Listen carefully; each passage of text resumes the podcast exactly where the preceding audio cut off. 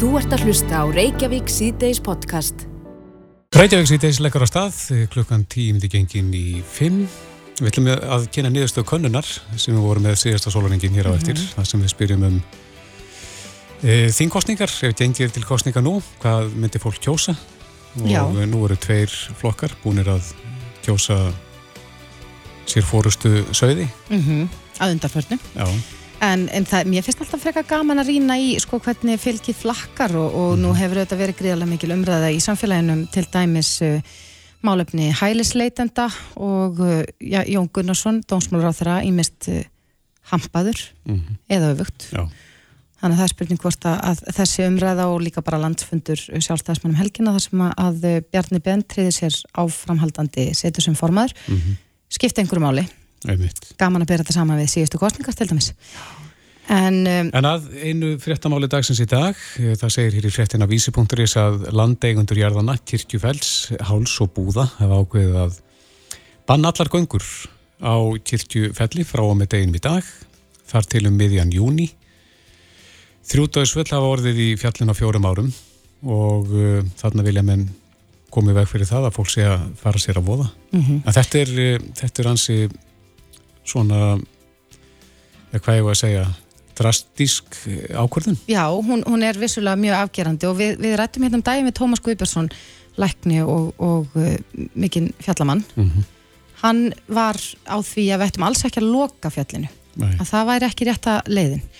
Uh, heldur þyrsti bara reynilega að tryggja aðbúna betur en, en nú er búið að taka þess ákvörðun, fjalli verður lokað þar til í júni Mhm. en uh, þetta lítur að vera samvinnu verkefni margra, hvernig á að koma þessum skilabóðum áleiðis til ferðamanna, en það eins og Tómas benti á, þá er þetta fjall sko, já, eitt af frægustu fjöllum heims og hefur verið kosið í einhvers konar kostningum, eitt af fallegustu fjöllum heims En uh, talsmaður landeiganda, hann uh, sagði í hátíðsvöttum að, að þeir óskuðu eftir samstarfi við mm -hmm. ferðarþjónustuna. Jóhannes Þór Skúlason, frangvandastjóri samtaka ferðarþjónustunar er á línunni, kom til sæl. Já, hvernig takið þið í, í þessa bón frá landeigandum þarna? Já, við erum náttúrulega bara tilbúin til samstarfs alltaf um, um hluti sem að geta bætt e, íslenska ferðarþjónustu og ég held að þarna hafi nú verið tekin ákvörðun svona á, ég er nokkuð vel ígrundað. Ég veit til þess að það var, var búið að funda þarna með bæði heimamönnum, fólk í sveitafélaginu og, og ferðarmálastofu búið að fara yfir möguleika hvað það væri sem væri að gera þetta og svo framvegs þannig að, að það, það er bara gott að hrósa því. Það er, það er mjög mikilvægt að þegar að fólk er að horfa til svona ákvarðan að það sé búið að undirbúa þær vel og skoða alla möguleika. Í þessu tilfelli þá e, má alveg ekki taka undir það með Tómasi eins og þú voru að nefna. Það er náttúrulega aldrei skemmtilegt að vera að loka einhverjum leiðum fyrir vönu fjallafólki en Við erum hins vegar bara í þeirri stöðu að stór hluti þeirra sem að er að sækja þarna inn á þetta svæði er ekki vant fælla fjallafólk. Það er tiltölulega stutt í þennan að þarna þurfti að senda börgun og setja upp eftir langt upp í, mjög langt upp í fjallið eftir konu og stregarskóm.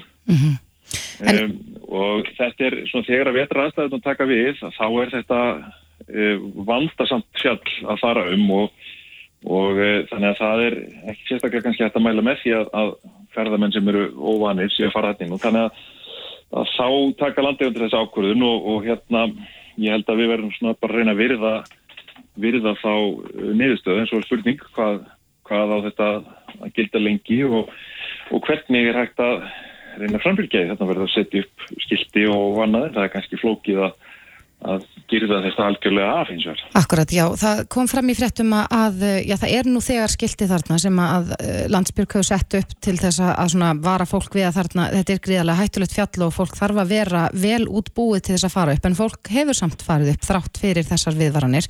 Heldur að skilti mun duga til eða þur, Sko- þurfið þið að koma inn í þetta og miðla upplýsingunum með þeim hætti að, að já, það verða allir vel áttaðir?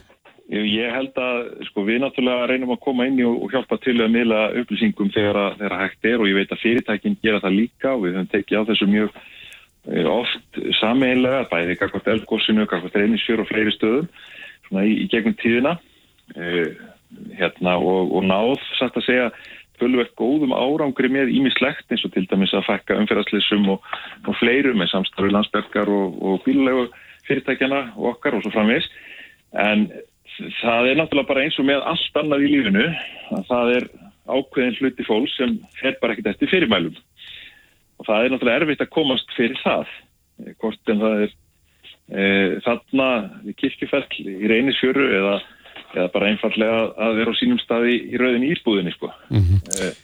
þannig að það er alltaf þetta er alltaf áskorunin og það sem við höfum lagt áherslu á þar er bara sem mest upplýsingagjöf en þarna kannski við fjallið er náttúrulega tölverst að ferðarfólki sem er bara koma á eigin vegum og við verðum þá að reyna bara að upplýsa þau með skiltum eða öðrum hætti gegnum safe travel og, og fleiri leiði sem við höfum og, og, og reyna svo að treysta á það sem flestir fari nú eftir þessum tilmælum. En Jóhannes, það eru fleiri staði sem eru hættulegir og fólk er að láta lífið á eins og reynisvera. Sér, sérðu fyrir að þetta verði leið sem að verði farin í auknu mæli, að menn bara einfallega loki þessum stöðum? Ég held að það sé nú ekki, en það er, geta verið ákveðni staðir á landinu sem að getur verið skinsamlegt að loka á ákveðnum tímum, eh, hvort sem er út af öryggismálum eða, eða ágangi. Hvaða staðir aðrir en, en kirkjufjörð? Já, við höfum séð til dæmis fjárarkljúri verið að loka vegna ágangs, þannig sem að bara er orðið, þetta er viðkominn staður og, og svo framvegs, mm -hmm. en við sjáum eins og líka að það er náttúrulega ekki hægt að loka til landinu. Í Íslandi er bara hættulegu staður til að ferðast til ef þú ert ekki að fara eftir leipenningum og tilmælum. Það getur, þú getur lendi í vandræðum bara á vegum úti þegar það skellur á vond veður eða þú ert ekki fyrkjast með. Þetta hefur nú bara séð uh, undanfarið. Þannig, þannig að svona lokanir, einhverja almennar lokanir, e, það getur verið skynsamlegt að grípa til þeirra eins og til dæmi þegar það kemur rauð viðvörun á mörðalsögrafum, þá er skynsamlegt að loka veginum Um, en það er ekki einhver langtíma lausn eða, eða lausn í málunum. Þess vegna höfum við náttúrulega eitt tölvert púri í það núna sérstaklega undanfarið að er hann að bæta úr til dæmis í reynisjúra því hann er hana og þar gengur það bara ákveðlega, það hefur gengur örlítið hægar en við vorum að vonast til en, en ég skilst að það sem komast nokkuð góðu gangur í þetta núna.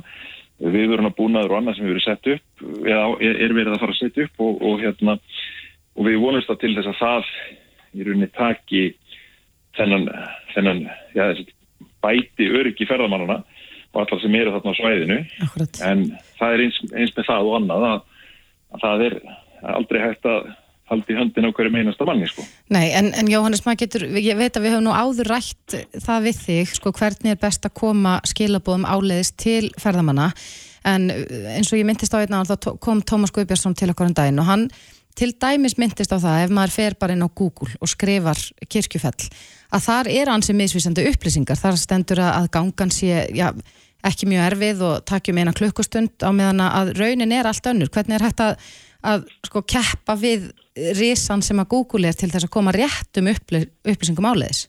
Þetta er alltaf alveg rétt og, og þetta er eitt af því sem að ferðamálastofa veit ég var að, að skoða þannig að aðdraðandur maður þessu máli þegar, þegar það kom upp Þannig eru hansi misfylgandi upplýsingar sem þennan stað. Við höfum líka séð þetta í vinnunni kakvart reynisfjöru að það eru mjög mismunandi upplýsingar um fjöruna á síðum, bæði enga síðum og, og jáfnveil ofnbærum eða halvofnbærum síðum. Og eitt af því sem við þurfum að vinna betur í er að reyna að samræma þessar upplýsingar. Vegna þess að Google frældi sæki náttúrulega bara þær upplýsingar sem allir aðrir er að setja um netið og þeim er betri upplýsingar og samræmdari sem að við reynum að, að koma til leiðar að séu á þessum vefsíðum, bæði hjá fyrirtækjónum og hjá Visit Æsland, hjá fjallarsamtökum og öðrum sem að eru að e, svona snert á þessu. Þeim er betri upplýsingar fær fólk þegar það, þegar það leitar á, á leitavélunum. Þannig að þetta er líka bara verkefni um upplýsingagjöfina, hvernig förum við að því að samræma þetta og, og, hérna, og það er eitthvað sem að náttúrulega er engin einn töfralustn við en en þarf að horfa til og við höfum verið að horfa svolítið til Safe Travel verkefninsins e, að hluta til í þessu. E, líka það bara þessar stofnarnir þessar ferðarmannastofa, Íslandsstofa áfangastafstofunar og, og fleiri sem að eru að marka setja landið og að, að miðla upplýsingum til ferðarmanna, bæði innlendra og ellendra að það er horfið svolítið til þess að samræma sína upplýsingagjöf aðeins betur en orðið. Og vonandi þá getur við þá ítt í þá átt að fyrirtækin horfi svolítið til þess þegar þau skrifa upplýsingar um, um áfangastæði út á sína vefi og í sínu markasefni. Þannig að þannig gerist þetta smá saman en, en ekkert að þessu gerist í einu vetfangi. Nei. Rétt aðeins í lokin Jóhannes, uh, hvernig er stendu ferðarþjónusta núna svona á þessum hausmánuðum? Já, það hefur verið tölverð og góða eftirspurn í sumar um, en undir likjandi erfiðleika þættir hafa náttúrulega ekkert horfið. Uh, við erum ennþá með fyrirtæki sem að er að klíma við skuldir, við erum ennþá með framundan endurgreislur á stuðningslánum og, og, og viðbótalánum, uh, nokkuð brattur endurgreislu ferill, uh, ferðarskrifstofur eru margar með endurgreislur á, á lánum og ferðáberið sjóði á bakkinu líka.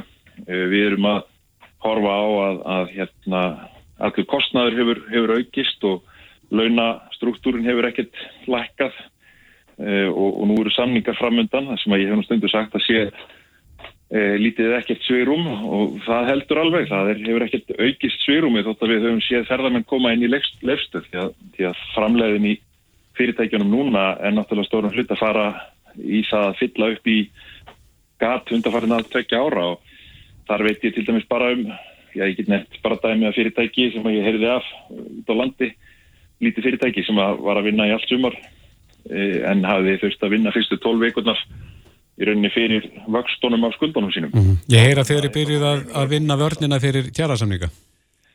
Já, við erum í rauninni að, að keira núna, fyrirtækin er í rauninni að keira núna, að reyna að fylla skúfurnar til þess að eiga fyrir skuldónum sem hafa orðið, fyrir, orðið til undan fennið tvö ár. Já. og í slíku ástandi er náttúrulega bara flókið að að ætla að taka á sig í rauninni e, hærri greislur, alveg sama hvaða nafni það er nefnast. Akkurat. Já, við vonum allavega að ferðarþjónustar ná að halda dampi í gegnum vetramániðina eins, eins og oft hefur verið rættum en Jóhannes Þórskólasson, framkvæmdastjóri samtaka ferðarþjónustunar, kærar þakki fyrir þetta. Takk fyrir. Þú ert að hlusta á Reykjavík C-Days podcast. Jæja. Uh, klukkan er hálf fimm. Það likur fyrir úttækt uh, landlagnisembættisins á réttar og öryggisteðdeldum landsbyttalans. Já, það var fyrir tveimur árum að Geðhjálp gerði alvarlegar aðtjóðsendir við starfsemi á þessum deildum og uh, aðbúnaði þeirra sem að þar dvelja. Þarna var meðal hans fjallaðum ofbeldi, livja, þvinganir, ógnarstjórnun og mikinn samskiptavanda. Mm -hmm. um, það hefur verið gaggrind að í þessar úttekt er kannski ekki minnst á það sem að, kvartanarnar snýrust um heldur meira farið yfir húsnæðisvanda og annars líkt. Mm -hmm. En uh, hann er sestur hjá okkur, Híðin Unsteinsson, formaður Geðhjálpar. Kom til sæl. Sjálfverði.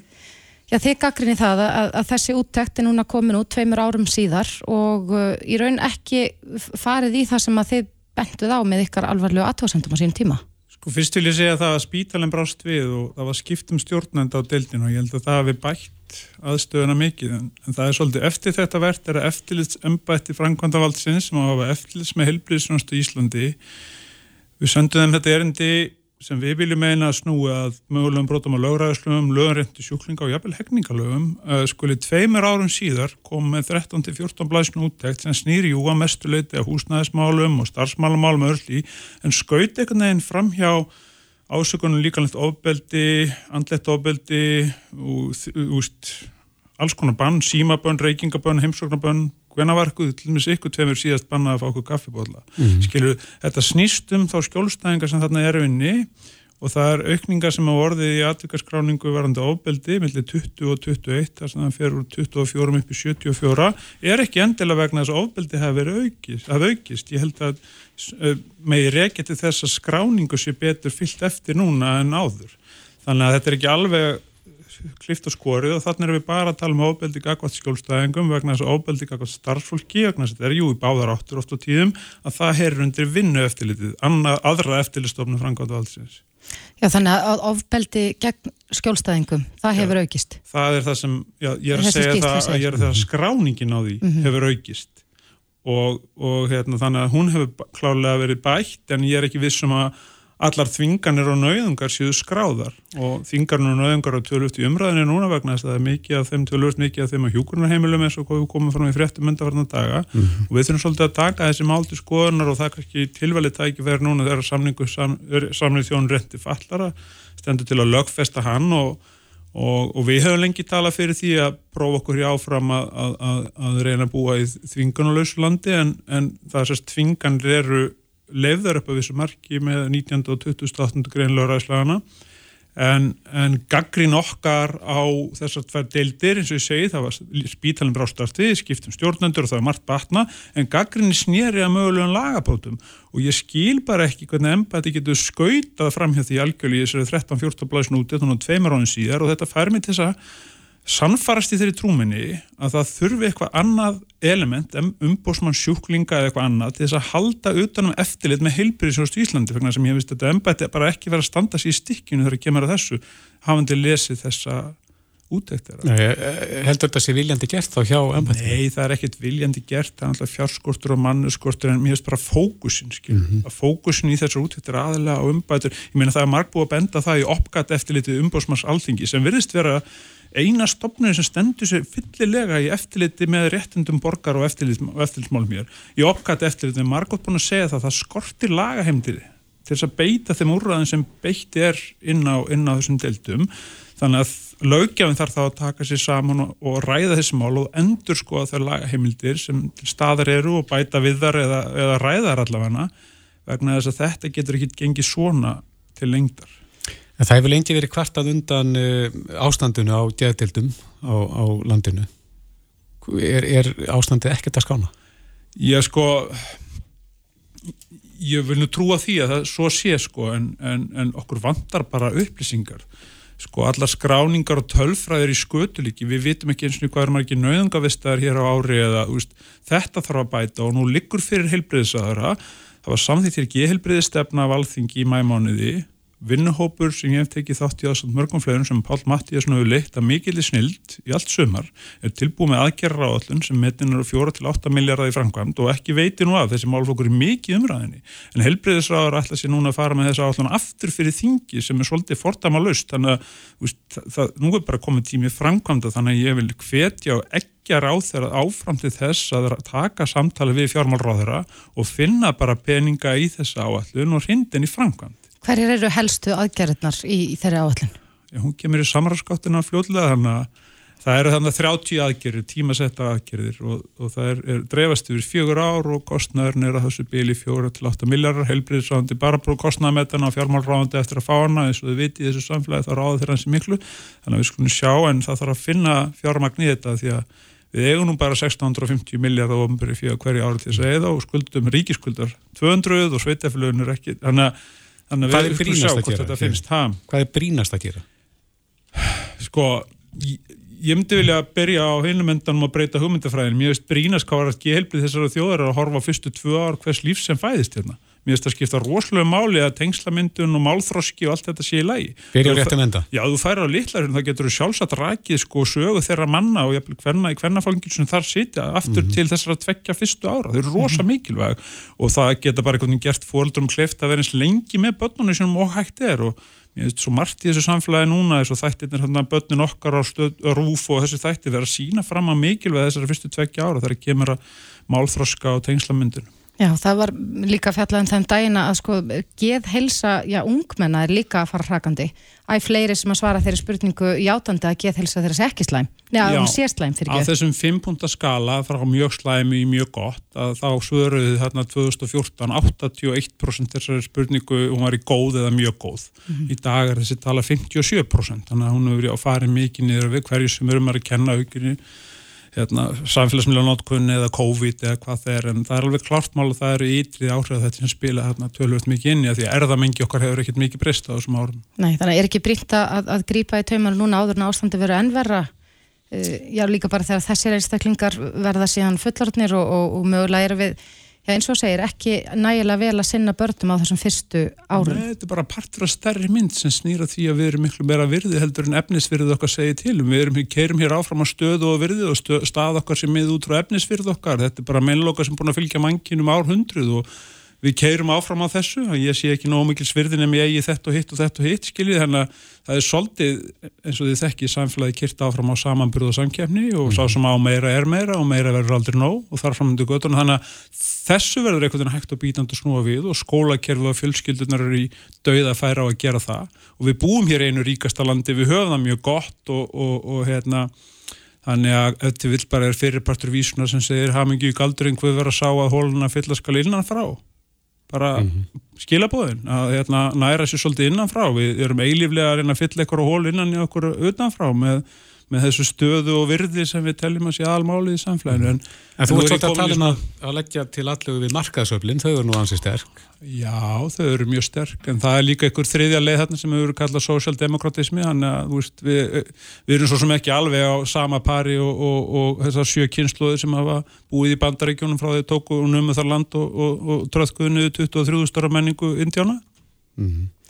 En þú talar um umbósmannsjúklinga til dæmis Er, er það raunhæft að, að slikt ennbætti verði stopnað? Já, ég finnst það bara einhvern veginn ekki ganga lengur ef þetta á að vera svona. Það verður þá auka í fjármögn til landlæknis eða eitthvað. Mér finnst það bara líka svolítið öfusnúið að læknir fari með eftirlit með heilbriðisjónust og öðrum læknum. Að vissuleiti getur það gengið en hvað snýra réttinu sjúklinga að það eru við einhvern veginn stöðt að kvappa á hveina og ég þekki það að persónal reynslu að þetta framkvæmda vald þegar kemur að þessu eftirliti virkar bara ekki og það er einn stopnu sem alltaf maður endar á og hún virkar þó og það er umbúsmaður alþengis.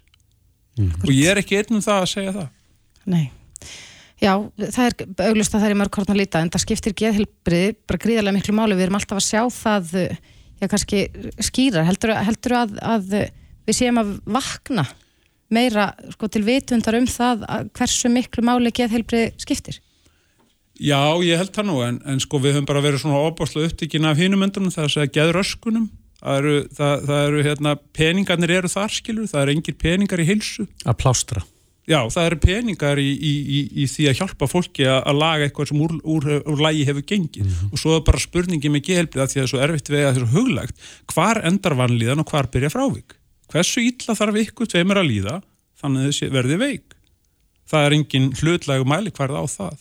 Það er ykkar tjáning til þá hugla smats meðferðala sem fellur svo dóma jú, það getur svara spurningalistum og tekið aðja hátíprófin og beggskalan og þunglindin og allt þetta. En á endanum er þetta alltaf hugla spurning og það er orðið þannig núna að mun fleiri eru grindir með eitthvað skonar frávik en, en áður. Mm. Hérðin Unsteinsson, þetta eru hérna, þess verði að skoða þetta en umbósmaður sjúklinga, þú mæli með því það er kannski... Já, allavega einhvern veginn að endur skoða þetta Þetta eru, þetta er fólki sem má sín minnst hér í samfélaginu sem er lokað inn á þessum deildum og það er mhm. engin að fylgjast með því nema þetta eftirlitsbatteri og það getur ekkert gengið upp að það komi að, að líði allt á langu tími þar til að hefur eftirlit og þannig er eins og ég segi, mér finnst stundum heilbriðstarfsfólk verið að hafa eftirlit með öðru heilbriðstarfsfólki mm. og rapport sér svo bara í skýsli hér um húsnæðismál og skiptum góldúkápa aðtráða starfsmálamál og, og skautar einhvern veginn.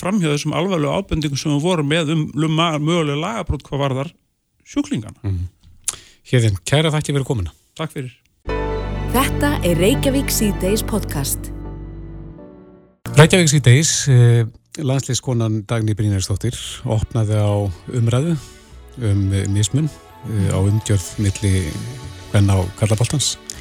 Það er að segja þegar að tímamót verða og það náttúrulega fylgdi sögunni að eh, Aron Einar fekk núna um daginn treyju með tölunu 100 á bækinu mm -hmm. þegar hann leik sinn 100. landsleik. Já, og já, bæði núverandi og fyrirhandi landsleiskonur í knastbyrnu hafa gaggrind þetta svona ójapvægi sem að reykjara mellir kynina innan, innan KSI mm -hmm. um, fyrra á árinu voru endurvakin uh, samtök sem að störfuðu hér fyrir uh, löngu síðan. En það eru hagsmunarsamtök knastbyrnu Kvenna. Mm -hmm. og hún er á linni hjá okkur í dag Anna Þorstinsdóttir fórseti hagsmunarsamtakana, kom til sæl Sæliru Já, við rættum við þig hér á sínum tíma fyrir á þessu ári þegar að þið voruð að endurveikja samtökinn. Eh, sýnir þetta kannski fram á það að það er ærin ástæða til þess?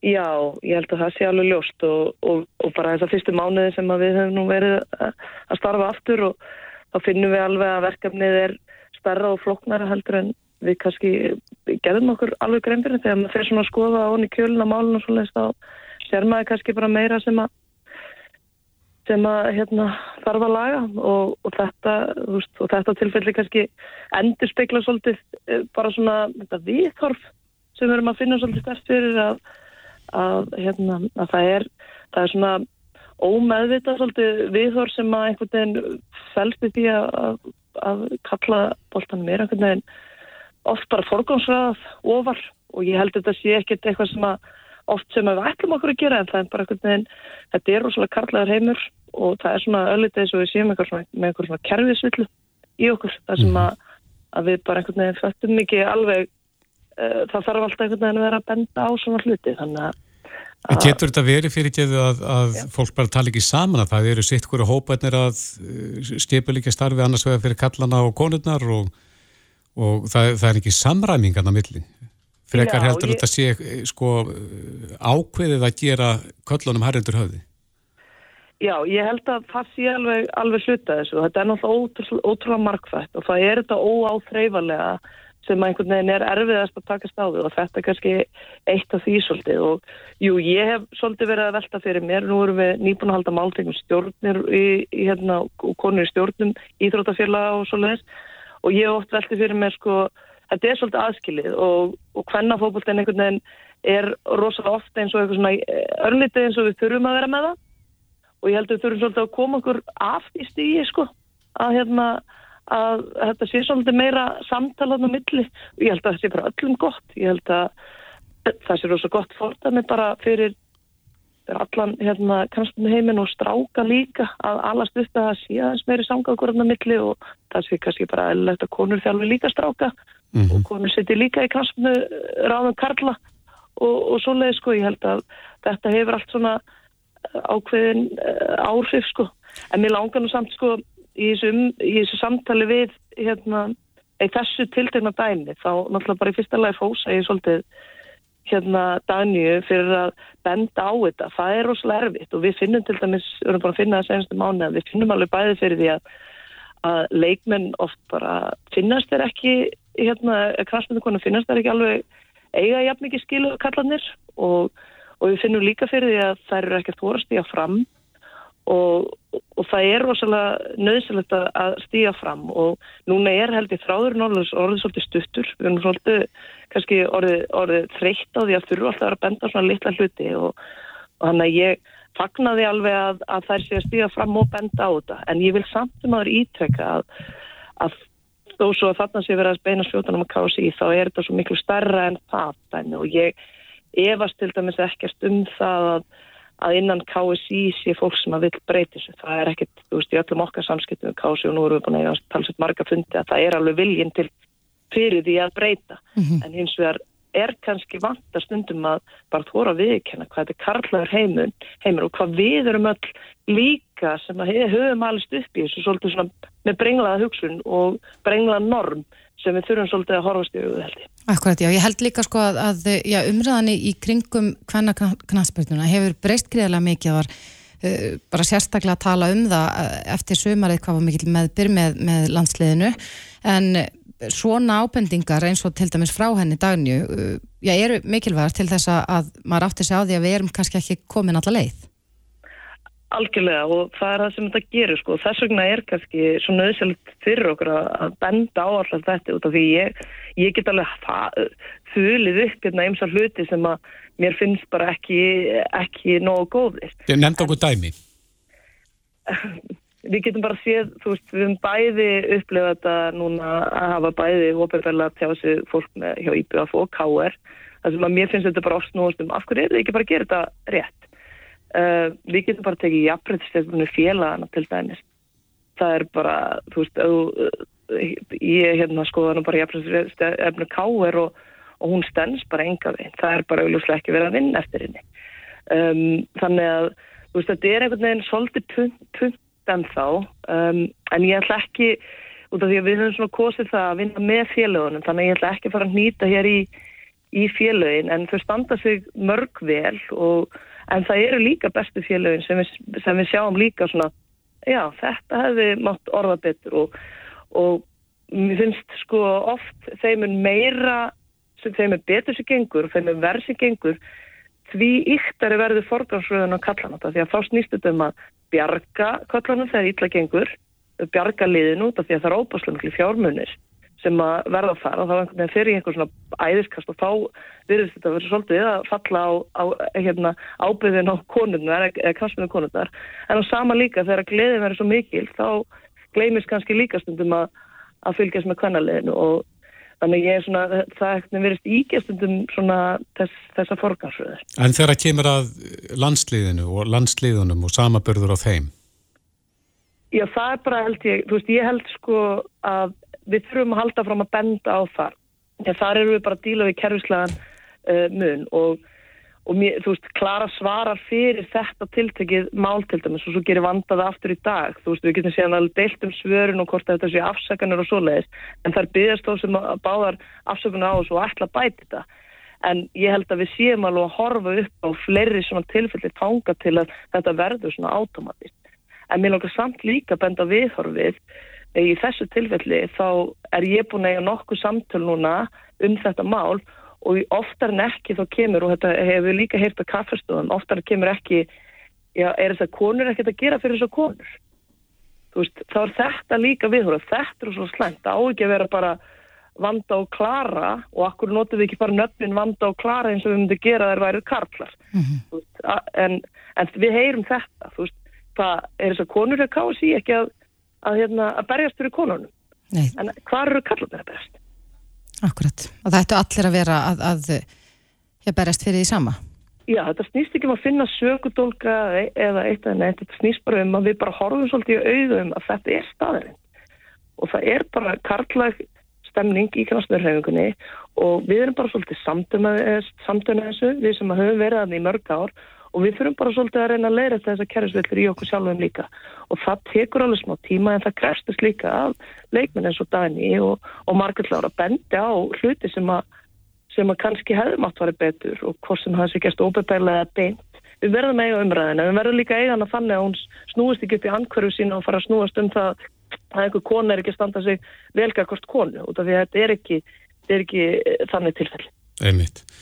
Og þess maður geta við höfum reynd eins og aðri fjölmilar að ná í vöndu Sigurgistóttur og fá svona hennar viðbröð en, en hún hefur ekki svarað okkur frekar en öðrum. Það hefur að ferðalagi í dag. En e, eins og þú segir að hún skrifaði inn á fjersboka síðu sína e, nokkra Já. línur um þetta mál. En e, Anna Þórsnæsdóttir fósetti hagsmunarsamtaka Knaspindu Kvenna. Þið hafið reysið upp aftur og, og greinlega ekki vanþörfa því. Kæra þakki fyrir spjallið. Takk fyrir þetta. Þetta er Reykjavík C-Days podcast. Jæja, í dag er uh, dagur gegn einelti og margar greina verið skrifaðar af því tilefni. Einn sem að byrtist í gær frá Sindra Výborg, formanni Túrett samtakana. Hefur ekki miklu aðtekli en þar er fyrirsögnin er barni mitt gerandi í einelti og Sindri er komið til okkar. Velkomin. Takk fyrir. Ekki langt sem þú varst hérna og varst að ræða einelti við okkur. Mikið rétt. Það var bara hérna daginn en, en nú er þessi dagur. En þú segir hérna að uh, við búum gærna við þá ránkvömynd að einogis vondu börnin séu gerendur í, í þessum einheltismálum. Já, það er uh, almenn mýta meðal okkar vegna þess að við viljum öll meina það að við gerum vel og að börnin okkar eru endurspeglun af okkar síðferði mm -hmm. og því sem við ölum þau upp á og þar af leiðandi höfum við búið til þennan, þennan gerfiflokk vondubörnin og það eru þau sem eru eineltisækirnir og tuttarnir. En raunin er bara allt, allt önnur. Raunin er svo að hvaða bat sem er getur verið líklegur gerandi. Akkurat og þetta getur verið börn, já, frá allskynns heimilum og allskynns aðstæðum. Já, já, það, sko, það er aftur annað, ég dref aðeins niður á það á, í, í greininni líka að börn búa sér til sin eigin veruleika. Það er að segja veruleika barnana þar sem þau eru á skólalóðinni, þar sem þau eru saman. Þau tala öðru sem við hvort annað heldur en þau tala við foreldra. Þau setja upp allt aðra mynd á sjálfum sér á þessum mm. tveimur stöðum. Og við foreldrarnir sjáum í rauninni börnin okkar bara í heimilismyndinni. Við erum ekkert að sjá þau nefnum í mýflugumynd í hinni myndinni. Þannig að við erum ofta að bera saman raung gildi og rangt siðferði uh, í þessum málum, það skarast að ná mm -hmm. En, en hvað er það fóröldra að gera í, sko, já nú bara getum, getum við öll hérna spekla okkur í þessum aðstæðum, við um öll börn. Og, og uh, maður heldur auðvitað alltaf að barnið sitt sé indislegt og gott. En uh, svo getur verið að svo sé ekki að, að, að barnið sé að, að við hafa ykkur að hegðun sem að maður veit ekkit um. Hvað er við að gera? Sko áður en í rauninni að áreikstur kemur upp áður en það fatt, þetta, þetta, þetta, þetta kræmir allt saman undir, þetta er allt mhm. saman uh, langt undir yfirborðinu af því sem við sjáum. En svo þegar það koma upp atvik það sem er tilkynning annarkort út frá skóla, íþrótta eða félagsstarfi eða bara öðrum foreldrum sem er að hafa ágjör af líðan bassinsins að þessi varnargýr, batni mitt gerir ekki svona, er dauðadómur á í rauninni úrlaust á þeim áraksturum sem er að koma. Vanliðan barna er augljóslega ekki eðlileg. Þar að leiðandi hlýtur eitthvað óeðlilegt að vera í gangi. Það þarf ekki endilega að vera að það sé hreitn íllur ásetningur. Það er ekkert sjálfgefið vegna þess að börn miskilja margt alveg eins og við fullornir gerum líka. En við þurfum að vera opinn fyrir samtalenu í staðin fyrir að fara að verja strax barnið okkar. Og það er í rauninni megin tilgangur þessara greinar hjá mér er að, er að vekja okkur foreldrana til umvöksunar ok, það er kannski eitthvað sem við vitum ekki þannig að setjumst niður og tökum talið, samtalið áður en í rauninni við förum strax í varnargýrun og skellum upp einhverjum múrum og förum í skotgrafir. Mm -hmm. En sendir þú, hérna þegar komast yngar síðast að þá lísti þú mjög hlottalegu einelti í, í þinn garð á sínu tíma. Held, hvernig hefur þetta breyst, ef þetta hefur á eitthvað nátt breyst? Hefur vandamáli minkað eða? Er þetta að menna þá eins og einelti? Hvort að einelti hafi, hafi minkað Já. Uh, Allar rannsóknir segja nei, einelt er að aukast. Uh, spurningin er samt sem aður hvort það sé raunaukning eða bara síndarlega eða mælanlega aukning. Mm -hmm. uh, það er aftur á móti nýr faktor inn í uh, eineltis umræðinni í dag og það eru samfélagsmeilar. Það er að segja aðgengi barna að öðrum börnum utan skólatíma, utan félagstíma mm. og rafrænt einelti er í mikilli ásókn á meðan líkamlegt einelti er að öllum líkindum orðið minna heldur en var.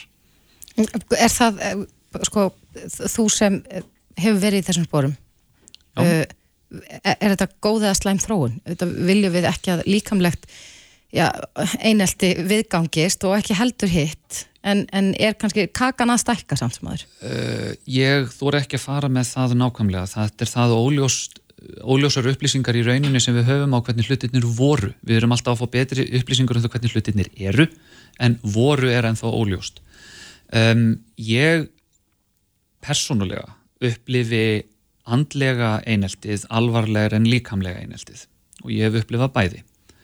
Uh, ég eins og seinast lísti hróttalegu einelti og ofbeldi. ofbeldi sem ég var fyrir mm -hmm. ég man ekkert nákvæmlega hvernig sásökin er þegar beinur brotin í mér og, og ég la minn alveg sundur og saman mm -hmm. ég man eftir atvikonum en tilfinningin er ekki ennþá svo sama á meðan ég er ennþá stressaður yfir því að halda afmæli mitt og ég er 41 ás mm -hmm.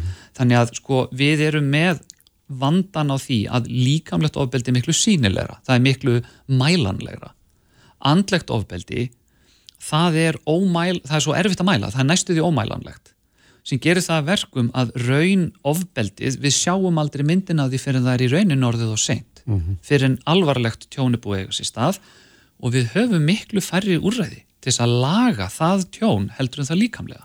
Þannig að líkamlega ofbeldi á sér stað í dag en aðgengi hróttana að þeim sem verða fyrir eineltunni það heldur áfram eftir að heim er komið. Já og það er þetta er viðvarandi já, það gerir það verkum að það er engin pása, það er ekkert hlið, það er ekkert skjól nema að batn einangri sig algjörlega engir samfélagsmiðlar, ekkert engin leið fyrir aðra til að nálgast þetta batn. Mælur þú með því? Nei, enga veginn, það er heftandi fyrir þróskabass og, og uppbyggingu þessum einstaklingsinn í samfélagi, bara enga veginn. Mm -hmm. Hvað er þá til ráða? Ah, Þetta er mjög stór spurning. Já, hún er, hún er hérna alveg eins og í senasta, senasta viðtali, hvað hafið þið langan tíma?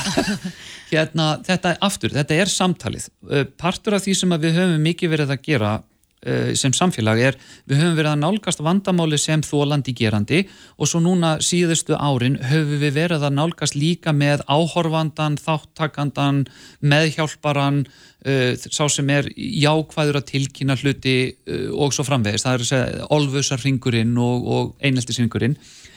En það er meira, við erum með aðra uppalendur, við erum með kennarana við erum með afa og ömmur, við erum með stóra bróður, sýstur og svo framvegist og svo framvegist, við erum líka með uh, stærsta mengið sem eru foreldrar.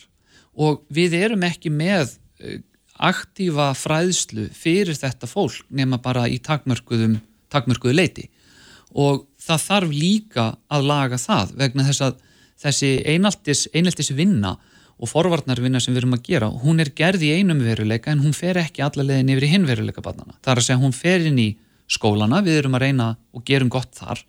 En svo fara bönnin heim til sín. Þar er annar veruleiki. Það þarf að halda áfram þar með þessa mótun. Vegna þess að börn þau er ekkert alltaf komið með full mótað síðferði og það að þau fáið þögult samþykki eða komast upp með að haga sér á einhverjum óæskilegum hætti í ákveði langan tíma þá verður það ekki lengur óæskileg hegðun heldur hún verður samþygt hegðun innan þess mengis eins og skólastofu. Þannig að við getum verið komið með mjög eitraða menningu inn í skólastofu en hún er fullkomlega heilbrið alls þar annar staðar. En mm. þar grasserast ofbeldið áfram og áfram. Og getur líka verið akkurat öfugt. Það, krakkarnir vita það að þau komast ekki upp með neitt inn í skólanum en nú leðu þau koma heim til sín og hafa beint aðgengi á tölvu og samfélagsmiðlum og öðru að þá heldur potið áfram og áfram og hættir ekki. Mm -hmm. og þannig að það þarf svolítið víðari umgjörð heldur en við erum búin að gera. Við erum búin að taka góð flott fyrstu skref en nú er bara tímið þess að fara lengra. Það hefur líka verið aðeins í umræðinu upp á síkastir sko bara hvernig eh, já, hvernig fullornir hegða sér á samfélagsmiðlum. Hvort sem það er bara inn á já, samfélagsmiðlunum sjálfum, í kommentarkerfum á, á uh, miðlunum eða hvað sem er. Þurftum við ekki líka að vera betri fyrirmyndir fyrir börnin ef að þau sjá að fullornir láta út úr sér ímis já, miður falleg orð að þá eru þau líklega til að gera það líka. Uh, jú, hittir hann að mála, ég held að þessi lítið af börnum sem eru að hanga inn á þessum hefðbundnu hérna, gamla fólksmiðlum. Uh, aftur á móti þannig ertu bara í raunin að lýsa myndbyrtingu þessar með eitruðu menningar sem ég var að tala um. Þannig eru einstaklingar sem að taka með sér reynslu sína frá því að þau voru börn og mótuðust og hafa haldið áfram þeirri menningu upp á við ofbeldið þeirra hættir ekki, það bara verður fáaðara, það verður faldara, það verður uh, hvað ég var að segja þroskara án þess kannski mér finnst svolítið rangt að nota það þroska, þroska í þessu en, en það er samt raunin vegna þess að það sem við æfum okkur í að gera við verðum betri í því. Þannig eineltisrottarnir frá því gamla daga þeir eru komnir inn á fréttamilana núna í kommentarkerfum þar. Sumir hverjir, mm -hmm. alveg heiklust og þeir gera þetta líka inn á vinnustöðum, við tölum gætnan eh, um vinnustöða einelti því miður minna heldur við ættum að gera en það er annar svona vandi að þú ert bara búin að færa skólalóðina yfir á vinnulóðina, starfsmaður og plani. Mm og það, þetta er bara læriða hegðunin. Og hún heldur bara áfram þangu til við högum eitthvað starf á þennan hnút. Þarf eina svona MeToo-bildingu í þessum málum? Nei, það þarf langvarandi hugarfarsbreytingu. Bilding kemur og fer. Það þarf breytingu mm -hmm. og við þurfum bara að axla þá ábyrð við fullorna fólkið og takana En koma bildingar ekki ofta stað? hugafarsbreyting? Hygglust, geta þér gert það en mér finnst, þetta er eins og, þetta er eins og að fara í átak að fara í megrun, það er tímabundið tímabundin aðgerð mm. og mhm. svo höldum við já ok, nú er allt orðið gott það er ekki nóg, við verðum að gera þetta þá til það er orðið okkar síðferðis og samf sko, samfélagslega séð vitund að þetta er bara ekki liðið að neinu leiti og við tökum öll á sem eitt og lögum þetta. En finnst þér umræðan undanfarnar vikur vera, já vísir að því að við séum á leðinni þá átt? Uh, vonandi Uh, þetta er ekki, uh, sko, alveg frá því að hafnafjörðarmálið uh, kom í fjölmiðla, þá höfum við verið í mjög góðu og, og virtu átæki við það að laga þetta, alveg hygglust og það má alveg rósa þeim einstaklingu sem hafa komið þar að en svo vaknar spurningin, eru við áfram að þessu eftir mánuð? Eru við búin að gleyma þessu eftir áramót? Ef svo er að þá var lítill ávinningur upp á heldarmyndin að gera út af því máli sem er búið að vera í gangi núna. Mm -hmm þannig að þetta er, þetta er miklu starra, þetta er miklu meira heldur en bara málið sem kom uh, umræðinu af staði þetta sinn. Og hérna það kom alltaf reglulega á nokkra ára fresti upp dæmi um hróttalegt einelti. Við förum í áttak megrunina mm -hmm. og svo kemur upp næsta aftur svona mál og þá er einhvers þar annar pottur brotin Þetta er viðvarandi vandamál sem þarf að vinna í Alveg hygglust Sendri Víborg, formaður túrætt samtakana, ég vonað sem flestir hugsi út í þessi mál á þessum degi, sérstaklega og náttúrulega allaðara daga í framtíðinni. Kæra þætti fyrir komina. Takk fyrir mig.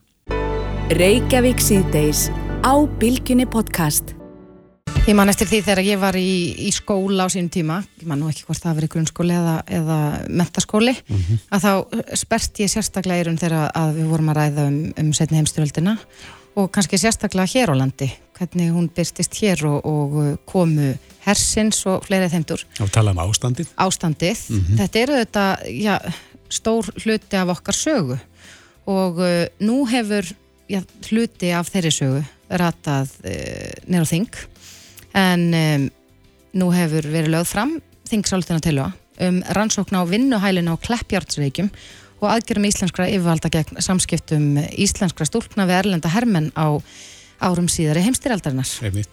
Og þarna er, já, fórsættisráð þeirra falið að skipa nefn til þess að rannsaka þessa starfsemi og að það sérstaklega uh, þessir, þessar aðgerðir sem voru uh, til þess að sportna við samskiptum íslenskra kvenna mm -hmm. við uh, erlenda hermenn hvort að mannrettabrót hafi verið framinn Emitt og það eru fjölmarkir flutnismenn, fyrsti flutnismæður Gísleir Abnálásson, uh, pírati. Og þannig eru sínist mér allir þingmenn, eða þingmenn úr allir flokkum nema miðflokknum. En Gísleir komið til okkar, velkomin. Já, það passar, takk fyrir, kjærlega. Ætti þetta ekki verið auðsótt? Var ekki fósættisáþurann sem að þið vilji vísa þessu til? Lagði hún ekki fram á sínum tíma? Jú, hún var einn af uh, flutnismennunum þegar þetta var flutt síðast uh, fyrir hvað einum 8 árum síðan. Mm -hmm. Eh, þá var það eh, heiða Kristín Helgadóttir sem var framsögumæður á þessu. Í Bjartur framtíð? Í Bjartur framtíð mm -hmm. og ég er mitt áður en að ég hérna, ákvaði að leggja hennar tilögu fram nær óbreyta. Eh, hafði mitt samband við hann og spurði hvort ég mætti taka þetta mál og, og láta það halda áfram að lifa mm -hmm. og vekja aftur aðtegli á þessu. En ég hafði eins og þú heilt heilmikið úr því hvernig var hérna á, á hérna strísárunum og mm -hmm. jújú, maður hefði heyrt um ástandið en það sem ég hafði ekki heyrt eins mikið um að það var í rauninni hvað var gert við þær stúlkur sem, sem að, eins og það var kallað voru í ástandinu. Akkurat, hvað, fyrir maður séu það? Vegna þess að ég er ekki vissum að allir séu meðvitaður um, um, um starfseimann þarna á, á kleppjarsveikjum. Já, það er raunin eh, hægt að byrja aðeins fyrrheldur en kleppjátsreiki sjálfur. Það var þannig að, að hérna, það þótti ekki síðferðslega gott að þessar ungu konur væru að e, hitta þessa erlenda hermenn og það var jafnvel gengið svo langt í fjörmiðlum og annar staðar að tala um að þetta hefði áhrif á það að órenga hinn íslenska kynstopp. Mm -hmm. Þannig við sjáum nú hvernig umræðin er á, á þessum tíma. Mm -hmm og e, það var þannig að það var yfir hjógrunarkonu e, sem hétt Jóhanna henni var falið að, að rannsaka e, hvað, hvað væri að gerast og hún og, og tveir starfsmenn lauruglunar, ungmenna eftirlitsins eins og það var kallað fyldust með þessum stúlkum, skrifiðu niður alls konar uppsingar um það, hverja það væri að hitta, hvort það heldu í hendurnar á kallmannum, hvort það hittu fleiri neitt kallmenn og allt mögulegt slíkt. Og síðan voru þessar konur bóðaðar eða stúlkur, þetta voru allt nýri 12-13 og stúlkur, jafnvel, e, voru bóðaðar í viðtal e, og yfir heyslu þar voru síðan sendar í, í hérna lækniskoðun til að tók hvort að megar haftið þeirra væri rofið. Og þær voru sendar í, í salfræðumata sem var e, aðtöð hvort að þær væru hérna já, hver, hver, hvers konar vitsmunni þær hefðu og hvort þær væru lauslátar. Allt var þetta síðan e, notað, það voru sett neyðarlög af alþingi sem stopnaði sérstaklega ungmenna domstól til þess að fjalla um þessi mál og e, oft gerðist það að þessi yfirhersla var, var gerð þessi gögn voru eh, rannsóknir gerðar af, af læknum og, og, og hérna og þetta skapmunamatt og allt þetta. Og það fyrir fyrir dómara og dæmt á viku. Hröð afgriðsla Hröð afgriðsla mm -hmm. og það sem síðan gerist fyrir þessar rungustúlkur er að, að flestar voru þær dæmdar til vistar í sveit eða á þessu vinnuhæli á Kleppjátsreikjum sem var rekið í, í rúmt ár þanga til að því var lokað og, og stelpunna sendar heim. Fyrir samniti við þess ærlendu hermenn? Fyrir jafnvel það eitt að hafa haldið í hendurnar mm -hmm. á einhverjum hermenn mm -hmm. og er, það, þessum að mikið slegið upp sem lauslæti og bara vændi og jafnvel haldið haldi fram að, að þær tölur sem að væri nefndar sem voru, hafa verið að tala um nokkur hundruð stúlkur væri í þessu framámenni í þjóðfélaginu sögðu neyninni, það er bara, bara toppurinn á ísjakanum, þetta eru þúsundir, þúsundir hverna sem eru, eru í þessu. Og þetta var sleið upp alltaf sem svona siðferðslegt mál til þess að ákveða hvað er þið gert, hvernig allt, all þessi domstig og allt þetta var gert, þar voru þrýr eh, karlmenn fengnir til þess að búa til laga umhverfi og, og, og hérna reglurnar í kringum þetta, þannig að þetta var allt saman bara gegn, gegn konum, konum. Sko fyrir okkur þá hljómar þetta eh, eins og fásina, alls ekki takt við tíman í dag, en uh, hefur, hefur verið fjallað um þetta, hefur, hafa þessar konur tjáð sig eitthvað um þá, þann tíma sem að... Það eru mjög fáar konur sem hafa e, fjallað um þetta ofinbila, sem er kannski ekkert skrítið þegar að þjóðfélagið setur þann stimpil á þig að þú sért bara einhver lauslát dræsa mm -hmm. og það var jafnvel, eru dæmi um það að konur hafi hérna fram í sjálfsvíg og, og annað eftir að þetta gerðist. Mm. E, þú spurði hvort það hefur verið fjallað um þetta. E, það var gerð mjög aðtiklisverð hérna, heimildamind, hún er Alma Ómastóttir um hérna Kleppjátsreiki sem að bara virkilega fer mjög náið í þetta og tekur meðal annars viðtöl við ættingja sumra þessara stúlkna. Því miður er það þannig að, að, að flestar ef ekki allar þessar konur eru í dag látnar, mm -hmm. en það er um 80 ár síðan að, að þetta átt mm -hmm. sér stað. Réttans að þið verum að falla á tíma, hvað viljiði með þessari þingsálíktuna tilhugu? Það er að segja hver, hver á endapunkturinn að vera? Já, það sem við viljum er að við teljum að þetta sé svona smánarblettur á okkar sög mm. og það eru margir slíkir sem við höfum verið að rannsaka og skoða uh, á undaförnum árum sem hafa komið í, í, fram í sviðsljósið. Við viljum að uh, þetta, þessi mál séu rannsökuð til lítar uh, hvað var gert þarna, hver var brotið á þessum konum mm -hmm. og að í minnstakosti komið fram formlega afsökunar beðinni ríkistjóðnarinnar. Já. Já, það verður foraftilt að fylgjast með þessu að, eins og við sagðum bara mikil breið pólitísk sátt um, um að uh, þessa uh, tilögu. Þetta lítur að fá flíti með þar hjá gatinu. Við vonum það. Já. Gísli Raffn Ólafsson, þingmaður Pirata. Kæra þakki fyrir komuna. Takk hjá það. Hlustaðu hvena sem er á Reykjavík C-Days podcast. Það hefur heldur betur verið mikil umræði gangi um dýravelferðamál mm -hmm. og uh, margir sem að vilja veg þeirra sem mestan.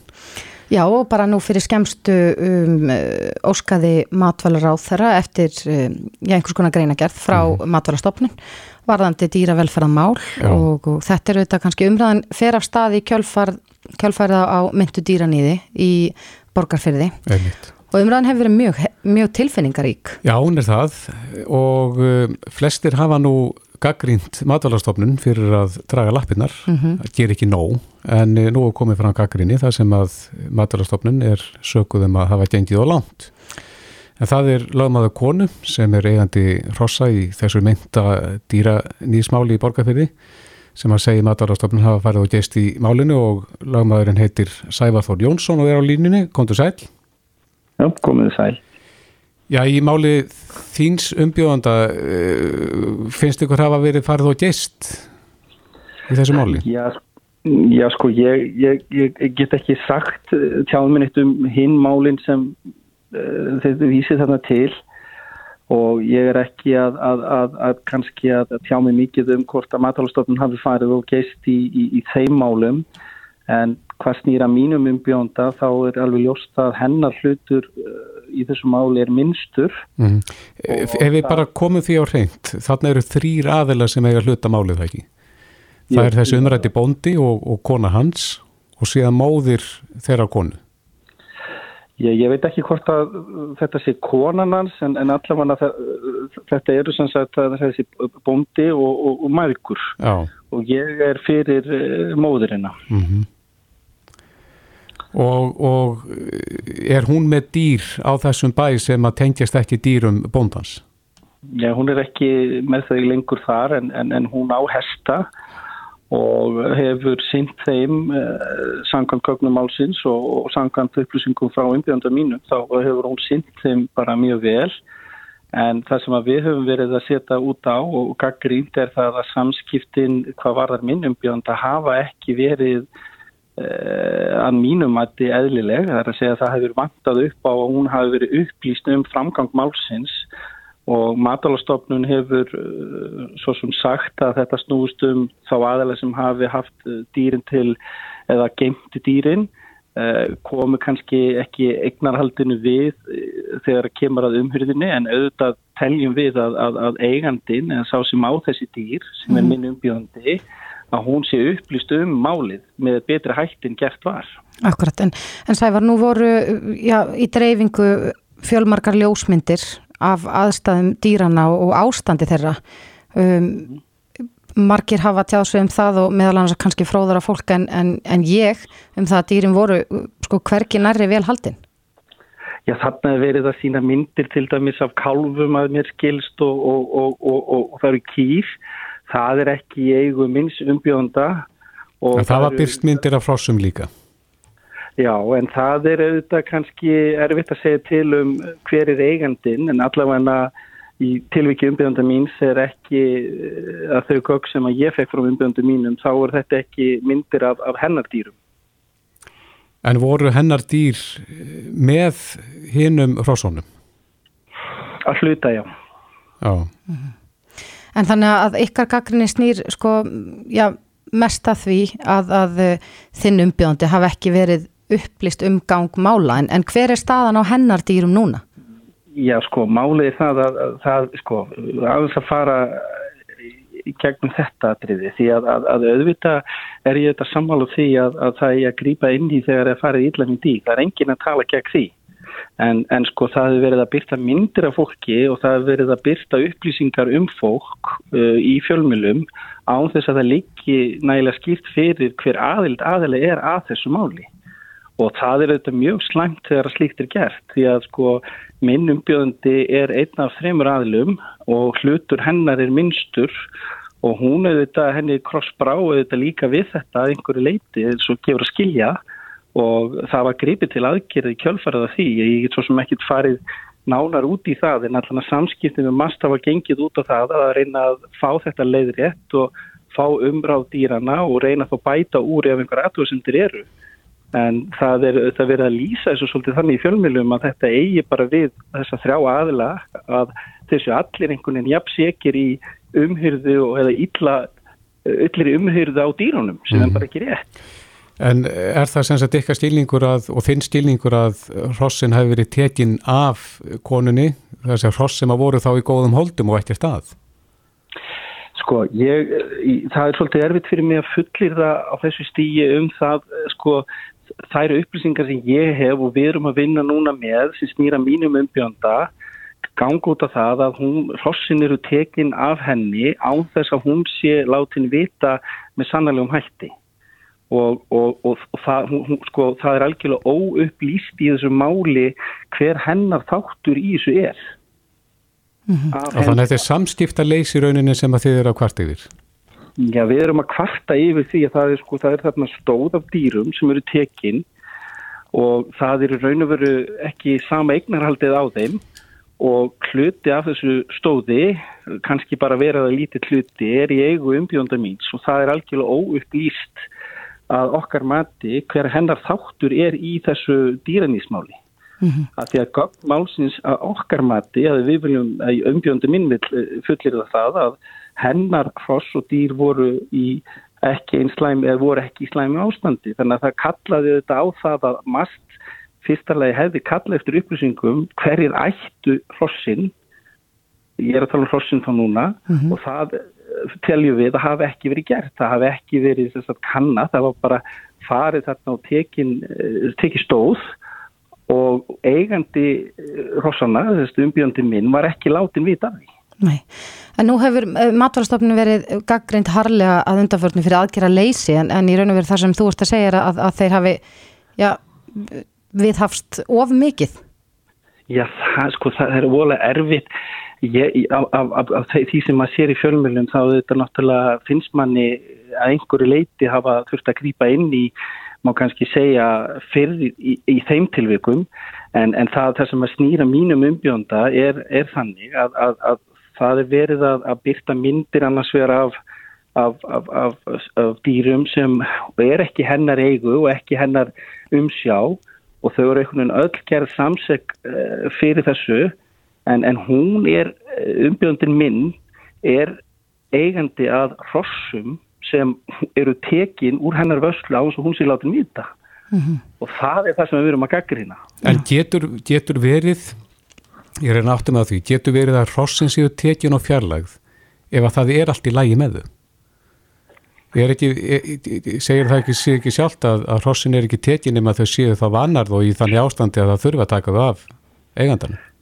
Ég, ég sko, ég náttúrulega hef ekki séð hinn hrossin sem voru tekinn og hvernig farið hafi verið með þau en það eru þarna allavega hross sem að við eh, höfum gögg frá umbjöndu okkar um sem eh, eru frekar nýleg og við bara teljum að, að sko matalastofnun, mast í þessu tilviki hefði bara átt að hafa samband við minn umbjönda og gera henni þá grein fyrir stöðunni ef eitthvað, var ábútt á vant og hún er þá geta greipið inn í en það er auðvitað verið svolítið það er auðvitað verið að gera alla samseka fyrir hlut sem kannski er ekki réttlægt að gera samseka mm -hmm. En, en ja, þinn umbjöðandi, var hún ekki vör við vandrakslu á hinum dýrunum þó að þau væri ekki hennar eigu? Ég, sko, umbjöndi mín bara neyta því að hún ber eitthvað ábyrð á dýrum sem að er ekki í hennar eigu og hennar umsjá, sko. Það, það er bara þannig og ég menna það, það snýð þarna á þessum, þessum sem það verða að byrta myndir á, á, á kúm og, og kálfum að ég held, ég, svo sem var ekki alveg en það er ekki í hennar vörslu eða hennar eigu og, okkur að myndbyrtingar eins og það að hún ber ábyrð því það er algjörlega algjörlega ósvaranlegt sko. en, en, en okkar gaggrinu þetta snýr fyrst og fremst að samskiptarleysi mast við umbjönda minn sko. mm -hmm, Akkurat. Hafið þið náðu sambandi við matalastofnum út af þessu máli? Já, við höfum gert það og verið í samskiptum og þau hafa bara, verið að segja, orðið góð í kjölfarið og við erum bara að upplý, fá upplýsingar og það er verið að upplýsa um málið og framgang málsins og næstu skref og við erum bara vinna í samstarfi mast í þessu máli hvað var það minnum bjöðandu. Akkurat. Já, Sævar Þór Jónsson, lögmaður, kærar þakki fyrir þetta. Já, takk, takk. Reykjavík síðdeis á bylginni.